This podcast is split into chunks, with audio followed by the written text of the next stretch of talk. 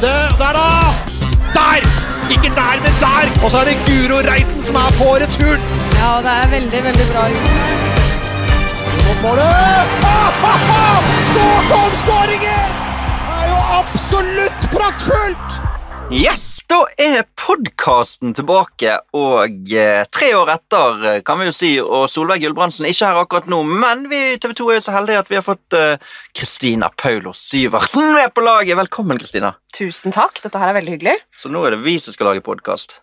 Det er bra. Og så Solveig litt, da. Ja, Solveig blir med oss etter hvert. Ja, hun gjør det, men nå er det jo fremdeles en stund igjen til dette mesterskapet. Men vi har laget en liten sånn spesialepisode i dag, for det er 100 dager til eh, fotball-EM begynner med England mot Østerrike på Old Trafford. Det er mye å glede seg til fremover. Veldig mye å glede seg til. Det er eh, masse kamper med kvinnefotballen også. Før eh, den tid så får vi liksom lada litt opp til EM begynner, da. Du skal jo ut og reise i dag, skal ikke du? Jo, det stemmer. Det er jo eh, storkamp på Camp Nou på onsdag, som vi gleder oss veldig til. Sannsynligvis publikumsrekord i kvinnefotball. Det kommer til å bli enormt for deg, tror jeg. Og så gleder vi oss veldig til det mesterskapet som kommer. Denne podkasten kommer ikke til å komme ukentlig frem til EM begynner, men vi håper på noen drypp frem til mesterskapet og litt underveis. Du var en av de som hørte på VM-podkasten sist. En av få lyttere, kanskje, men uh, vi får prøve å leve opp til det vi lagde den gangen. da. Ja, jeg gleder meg veldig til å bidra denne gangen. Kose meg masse med det nede i Frankrike, med det dere gjorde der. Det er veldig bra. Så håper vi å komme tilbake, eller lover å komme tilbake med litt sånn tips og litt forskjellig guide og sånn inn mot mesterskapet. Men uh, i denne første episoden, som uh, nå slippes da 100 dager før uh, mesterskapet begynner, det er vel 6. juli, eller det, som er åpningskampen der, og så spiller Norge 7. juli, så har jeg tatt et liten prat med Karen Carney. Og det er jo en spiller som har vært veldig god i England i mange år. Ja, det er jo en engelsk fotballegende i ordets rette forstand, som nå er fotballekspert og pundit, som det kalles, i eh, England. Ei dame som veit mye og mener mye og kan mye om eh, kvinnefotballen. Det er på en måte litt sånn Solveig Gulbrandsen i, England. Hun har 144 landskamper, blant annet. Så ikke like mange som Solveig, men i hvert fall veldig mange. Og var med på det England-laget som slo Norge ut av VM for fire år siden, og for eller tre år siden, blir det vel, og for syv år siden. Det går litt sånn kluss i årene nå når det har hoppet over et år. For dette EM skulle jo egentlig vært i fjor. Han ble flyttet fordi herrenes mesterskap ble flyttet. Og det har faktisk en liten feil i det intervjuet med Karen Carney, så det kan dere legge merke til. De sier vel VM i 2014 i stedet for 15 på et tidspunkt der, men hun eh, svarte proft på det. Så jeg håper dere gleder dere og koser dere med dette intervjuet. Rundt 20 minutters eh, prat med en ekte engelsk fotballegende. Og så bare en liten presisering før dere begynner å høre på. Det er at Dette intervjuet med Carney det ble gjort før den gledelige nyheten om Ada Hegerberg sitt comeback for Norge ble offentlig. Så det må tas litt med i betraktningen når hun vurderer det norske laget. og Litt i måte, samtalen vi har, dreier seg ikke om hun. Eh, det kommer til å garantert bli mye mer snakk om Ada og det comebacket fremover, men bare sånn at dere i hvert fall har det i mente når dere lytter til akkurat dette intervjuet. So, Karen, uh, very nice to meet you. Nice to meet you too. You're sitting here with 144 caps for England. You've been part of eight English tournament squads, as well as one with Great Britain. You've won league and cup titles, silver at the Euros, bronze at the World Cup. You've been top scorer in the WSL. You were inducted to the Hall of Fame last year. So, uh, I must just say at the start, it's really a privilege just to be able to sit here and talk football with you today. Oh, no, the privilege is mine, honestly. It's lovely to chat to you, but um, thank you for that kind introduction. It was really sweet. I would like to talk about the upcoming European Championships uh, in your England. Uh, what do you expect from this tournament at the summer? You know what? I just really want an exciting competition. Um, I think it's been a really difficult um, period for, for everyone due to due to the pandemic. So I just want it to be a really exciting tournament where we can showcase how amazing women's football is, the amazing players that we've got, um, selfishly on home soil, and just to inspire. Again, I know that sounds really cheesy, but I just I just really want it to be a positive positive experience, and everyone to be talking about it enjoying it. I want it to be on all the TVs, media. I want to hear it on the radio. Go into a pub and hear conversations about will that player, this player, did the manager get it right? For me, that would be a successful tournament to generate the interest and the buzz selfishly, of course, I'd love England to win. Sorry to to say that to you. Um, but that would be again a massive moment in England if if it was to happen. So, as it, I think it's just going to be amazing. It's one I literally can't wait. We've seen a, a massive development on the female side of football the last year. England has been one of the strongest representatives uh, when it comes to this.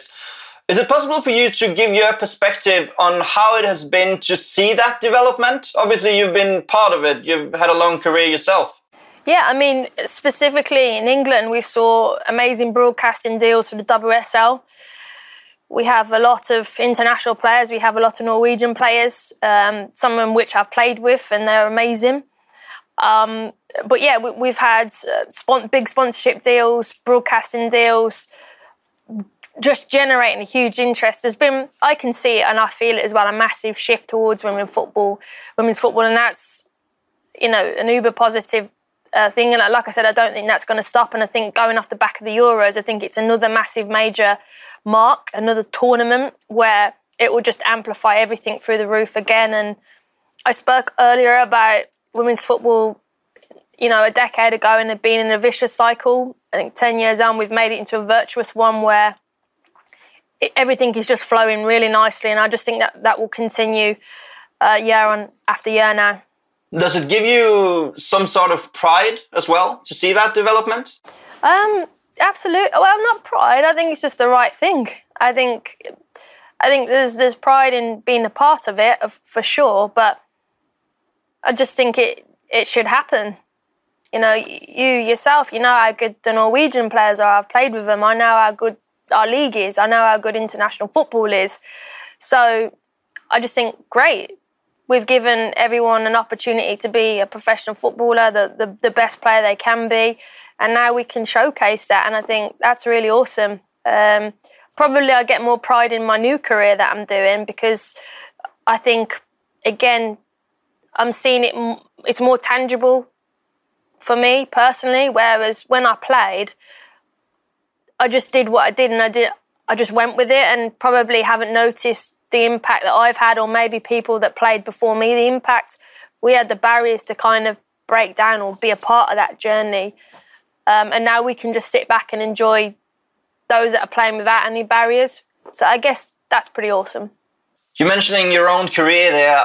What would you say are your best memories? I said you had 144 England caps. You played 20 years of senior football almost. So what, what are your best experiences? What are your best memories from your own playing days? I think oh, that's tough because I was really fortunate to be with some amazing teams, players, and coaches that enabled me to have some fantastic moments. I think nothing will be.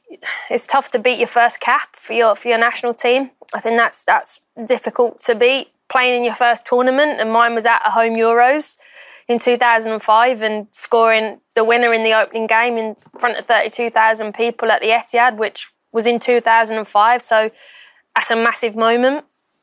I think representing Team GB and at Wembley in front of 80 odd thousand people, again, a, a massive marker. Winning the quadruple with Arsenal, Champions League, that has not been achieved since. Um, but yeah, like I'd say they're, they're pretty massive moments. Um, but equally, one for my family and um, the lady that did my makeup's here as well. Um, on that day, I was getting my MBE. You know, that's a massive moment. I think that as a footballer, you do a lot of amazing things, and your family support you, and sometimes don't get to live the amazing experience. But I think that day, I was able to treat them like a queen and a king and a princess, and I think that was pretty cool. And that was through football, so I'll always be eternally grateful for that and for Julia to making them look extra beautiful. That's very good. Uh, we'll come back to some games later in the interview uh, against us, against Norway, but uh, we have to focus a little bit about uh, this tournament coming up. Uh, we are, of course, in the same group, Norway and England, uh, with Austria and Northern Ireland as well. Um, how do you see this group? What are your thoughts on this? It's Group A at the tournament this summer. If I'm being candid, I was at the, the Euro draw. I was I was part of it, and I thought that was a, a, great group for both England and Norway. There was some other groups where I'm thinking, wow, I would not want to be in that group. Um, and that's not a disrespect. I think it's a it's a tough group, but I feel there was significantly other tougher groups. Um, obviously, I know a lot about the Norwegian players. Played with them um, for for a lengthy period. Know them on a personal level as well, so I know how mentally strong they are and how difficult of opponents they are. As you said, Austria always notoriously difficult. Um, and yeah, I think then the old rivalry is going to be always tough. The the, the, um, the England Northern Ireland game, so that's going to be really special. But is it? It's a tough. It's a tough group. It's the Euros. When you get to a final, every team deservedly is there. They've earned the right to be there, and anything can can happen. So I think it will be really, really interesting. I'd like to think that both our teams would be okay and get out the group. And again, that's not a disrespect to the other two teams, but I feel like that both our two teams should get out of the group. When you watch this Norway team, uh, what are your thoughts on, on the team that Norway have today? Um, um, like, like we said earlier, I'm a bit sad about Maren Mjelde's situation, her injury. Um, I've played with Maren. I played with Maren for three, three or four years. Um, great player, great leader, can play multiple positions. Um, technically great, tactically great. So I'm a little bit sad. I don't know whether she'll be fit to make it. I think that'll be a huge miss for you guys. I think um, I know Maria Thorisdottir playing well at Manchester United at the moment. I think that move was good for her. We mentioned Carolina Graham Hansen, outstanding player, and I think you see what an influence she makes for her club, and then probably the Spanish national team miss her. if that's a, do, you know what I'm trying to say? Like you can see what an influence she has on the Barcelona team. Um, I think we spoke briefly about maybe the centre forward. You know that might, if, if you could really cement that, that would be. You know, I know there's rumours about Hegerberg maybe or may not. She's an outstanding player, so that will be interesting to see how that pans out. But I think you have a, a very, very talented team. One of my favourite players is Guro Reiten. I have a, a soft spot for how she plays. I think she's got one of the best left foots I've seen. Her deliveries are second to none. Her work rate is exceptional, one of the highest at Chelsea. Um, so yeah, Bøe Risa as well. So there's a there's a lot of talented players that I've watched closely uh, from Norway, and have we know how good they are. That's why they've come to the WSL and we only want to create and generate and, and try and get the best players to come and play in our league. And um, they, they've been exceptional. Everyone that I've watched or played with or against have been phenomenal. So I don't expect. Um, I forgot Maanum as well. You know what a what a signing for Arsenal. Um, so I could go on. I'm a, I'm a huge fan of the players that you've developed and brought to the league, and it's not going to be easy, but what it will do, especially when they play England, there'll be a familiarity between the players. So it'll be quite interesting to see the the battle psychologically as well. But um, one I'm very much looking forward to.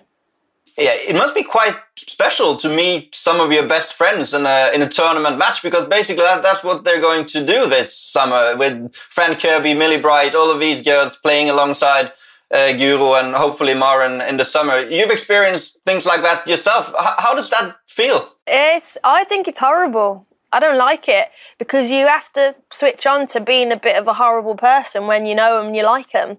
Because at the end of the day, you have no friends when you cross that line unless they're on your team, and it's it's difficult when you're they're your family week in week out when they're at your club, but then you've got to literally just cut them off as if they don't exist because you want to win that Euros, and rightly so. And also, you're so passionate about the country that you represent, and absolutely rightly so. I, I found that quite hard playing against people that I knew I loved, but equally, it's interesting because they know your weaknesses and now tap into them. You know, whether it be a cheeky word, whether it be a tackle, they can get into your psyche because they know you so well. So I always think it it's quite tough. And then there's a there's a moment then after the game where one team will win and one team will lose, and then the reality of then going back to they're your friend and the ones that you love and adore, and someone's upset and someone's happy, and there's got to be a respect, and that's that's quite difficult um, when you know how good they are as individuals and how, how good they are as humans. That is sometimes quite challenging. Yeah. Um, you you have of course you met Norway on a numerous occasions yourself. You played with these girls at, at Chelsea, but you've played internationally against them. And uh, when I grew up, and I would say earlier, Norway were superior to England on, on the female side of football, but th this has changed now. Um, I remember that 2014 World Cup. You beat Norway in the last 16. Um, and that was like a shock for Norway. Not not a shock, but they expected to beat you. Then, how do you remember that? Uh, like kind of turning point in the um, battle between our nations? I think I played Norway uh, when I was 17. And I think, I can't remember the score, but I remember playing Norway, if that makes sense.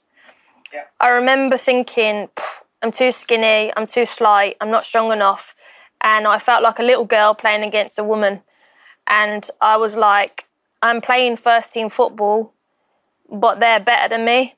And that's the level I've got to get to and match them physically. And it was a real eye opener. And then you mentioned in Canada, we probably didn't deserve to win. We were proper backs against the walls. We were absolute peppered for large periods of the game. And it was a shock that, that England went through. And it was a massive moment for us because it definitely shifted our mentality now that we shouldn't fear anyone. We should go on and have more confidence in ourselves and have that belief. And that was a big turning point for us. But it was a game where I thought we were massively lucky. And I do think teams do underestimate, um, not Norway as a whole, but probably teams that are quite quietly go about their business. And I would say that's what you do. And for large parts of my career, Norway was always one of the toughest oppositions I've ever come up against. Um, and I have a lot of respect for them. And the players that we've just spoken about are top players, and it's they're not to be underestimated going into the Euros in the summer. Far from it. And then, uh, well, almost three years ago now, what was supposed to be our revenge at the World Cup in France in the quarterfinal uh, it ended up being the the opposite because you beat us 3 0. You were absolutely dominant. And are England just way too good for Norway now? Or how do you see that? If I'm being honest, that day we were phenomenal. I think that was England's World Cup final, and I think that had a massive impact on the semi final. That every bit of energy and output was put out in that game from an England player's perspective. It was a flawless performance. Sorry to say that to you. Um, but I also think you guys are in a transition. I know that you guys were having difficult moments, both on and off the pitch, and, and that reflected probably in the game. I think since then you you've you've maybe turned a corner and, and you're still on that climb again. Um, maybe you correct me if I'm wrong, but that's how I have seen things. Um, I think, it, like I said, in that game, we were outstanding. Some of the best performance, one of the best performances I've, I've ever seen from an England side. I really do. Um, but I do think that potentially cost us in the next game.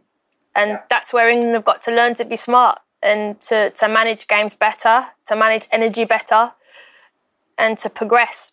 But um, I don't think that would happen again, if I'm honest. I don't think that performance and that result that happened in 19, I don't foresee that happening again this summer. No offense, I hope it does. Um, but I, I, think the gap has been shortened. Yeah. Okay, uh, let's pretend this interview took place on the 10th of July. Tomorrow it's England Norway, Brighton Community Stadium. Both teams have won massively in their two opening matches. What do you yeah. expect? What do you expect from the match tomorrow night? Um, massive crowd, massive energy, huge support from Norwegian TV broadcasters, the same from those in the UK and all across Europe. Um, two in team forms, uh, two teams in form going against each other. I reckon Carolina Graham Hansen is going to be on point. We're going to say, how do we stop her? How do we prevent her? Um, how do we stop Maanum distributing and spraying the ball around? And from an England's perspective, how do you stop Fran Kirby? How do you get past Millie Bright? Um, and I think it would be won on margins. I think it would be won by set plays or something really, really small. Hopefully, at the end of the game, everyone goes, "What a game!" Um, and everyone falls in love with it. And I hope, no offense, England progress and uh, and win. But I wouldn't think it would be easy. And I think it would be a game where everyone went, "What a game!" and what a moment. You, you say you want to progress, but what is expected from England in this summer? Is it a failure if they don't go all the way, or do you? How do you see that? I don't think it's a failure. I think England have been in the last three tournament semi-finalists. I'd like to see them get to the final. I think that's progression. I think we saw that in the men's team. We saw progression, but we know how difficult it is to win a tournament. It's very difficult. Um, but I'd like to see them, you know, get there. But what I do know is is that I don't think there's a standout team. I look at the Arnold Cup and the other competitions that were played in the international calendar. I think there's five teams that are really, really on a on a level, and I think it will boil down to momentum and injuries going into it. But I think it will be anyone will beat anyone between those five teams on the day. And I don't think there's one team that stands out that I'm going to go, yeah, they're going to win it, and that includes England. I, I, I think there's really the, the, levels now are so from the best to the rest have really come down. You know, maybe five, six, seven, eight years ago it was there and there, but it's really now on a, on a level, and I think there's five teams that could win it. So, in terms of England, I just think the home support will be an advantage for sure. Uh, I'd like to see them get to a final. But I know from being a player, it's not as simple. I don't want to say that it would be a failure if they don't win it because I know how difficult it is at tournaments and you can prepare all you want, but something will something you don't prepare for, something you can't pre- prepare for will happen. So, and you need everything to be flawless in order to win a tournament. And I don't, I don't know if that would ever happen. So, I'm not going to put added pressure on them. I'm just going to, as a pundit, say there's lots of teams that could go and win it, and rightly so because women's football is outstanding at the moment you're saying five teams there, and there might be one of them in a quarter final as well because they're up against probably Germany or Spain or maybe Denmark in the quarterfinals, even though they win the group. So it's it's going to be tough anyway. Yeah, and that's why, the, from an England's perspective, the Arnold Clark Cup was important because the likelihood we, we could get Germany, and we beat Germany three one. So yes, Germany had six top players that were not there. You know, three or four that would make a significant difference. But for me, it's about flipping that that mentality. I don't think in 27 times we've beaten them twice, or stats similar to that. You know, for us, we needed to shift the mentality and kind of get prepared, get ready for that. And if it's Spain, well, we've played them. We know what they're about. We're, we know that we can. We know their strengths. We know their weaknesses. We've played them in the last three or four months. So um, we're, we're better prepared. And I think you have to play these teams you have to play them. And there's always someone that says we, we don't want to play them too close. Well, everyone analyses each other anyway. So sometimes I think just play against each other, get a feel, the players can get a feel for what it's about. Um, and there's still time to make changes and, and improve as a player. So uh, I think it's good. I'm really looking forward to the tournament. So hopefully we'll see each other over there. Hopefully. Well, thank you very much for your time and it was a pleasure. Lovely to meet you. Take care. Bye. Der! Ikke der, men der! Og så er det Guro Reiten som er på returen. Ja, det er veldig, veldig bra gjort. Målet! Så kom skåringen! Det er jo absolutt praktfullt! Moderne media.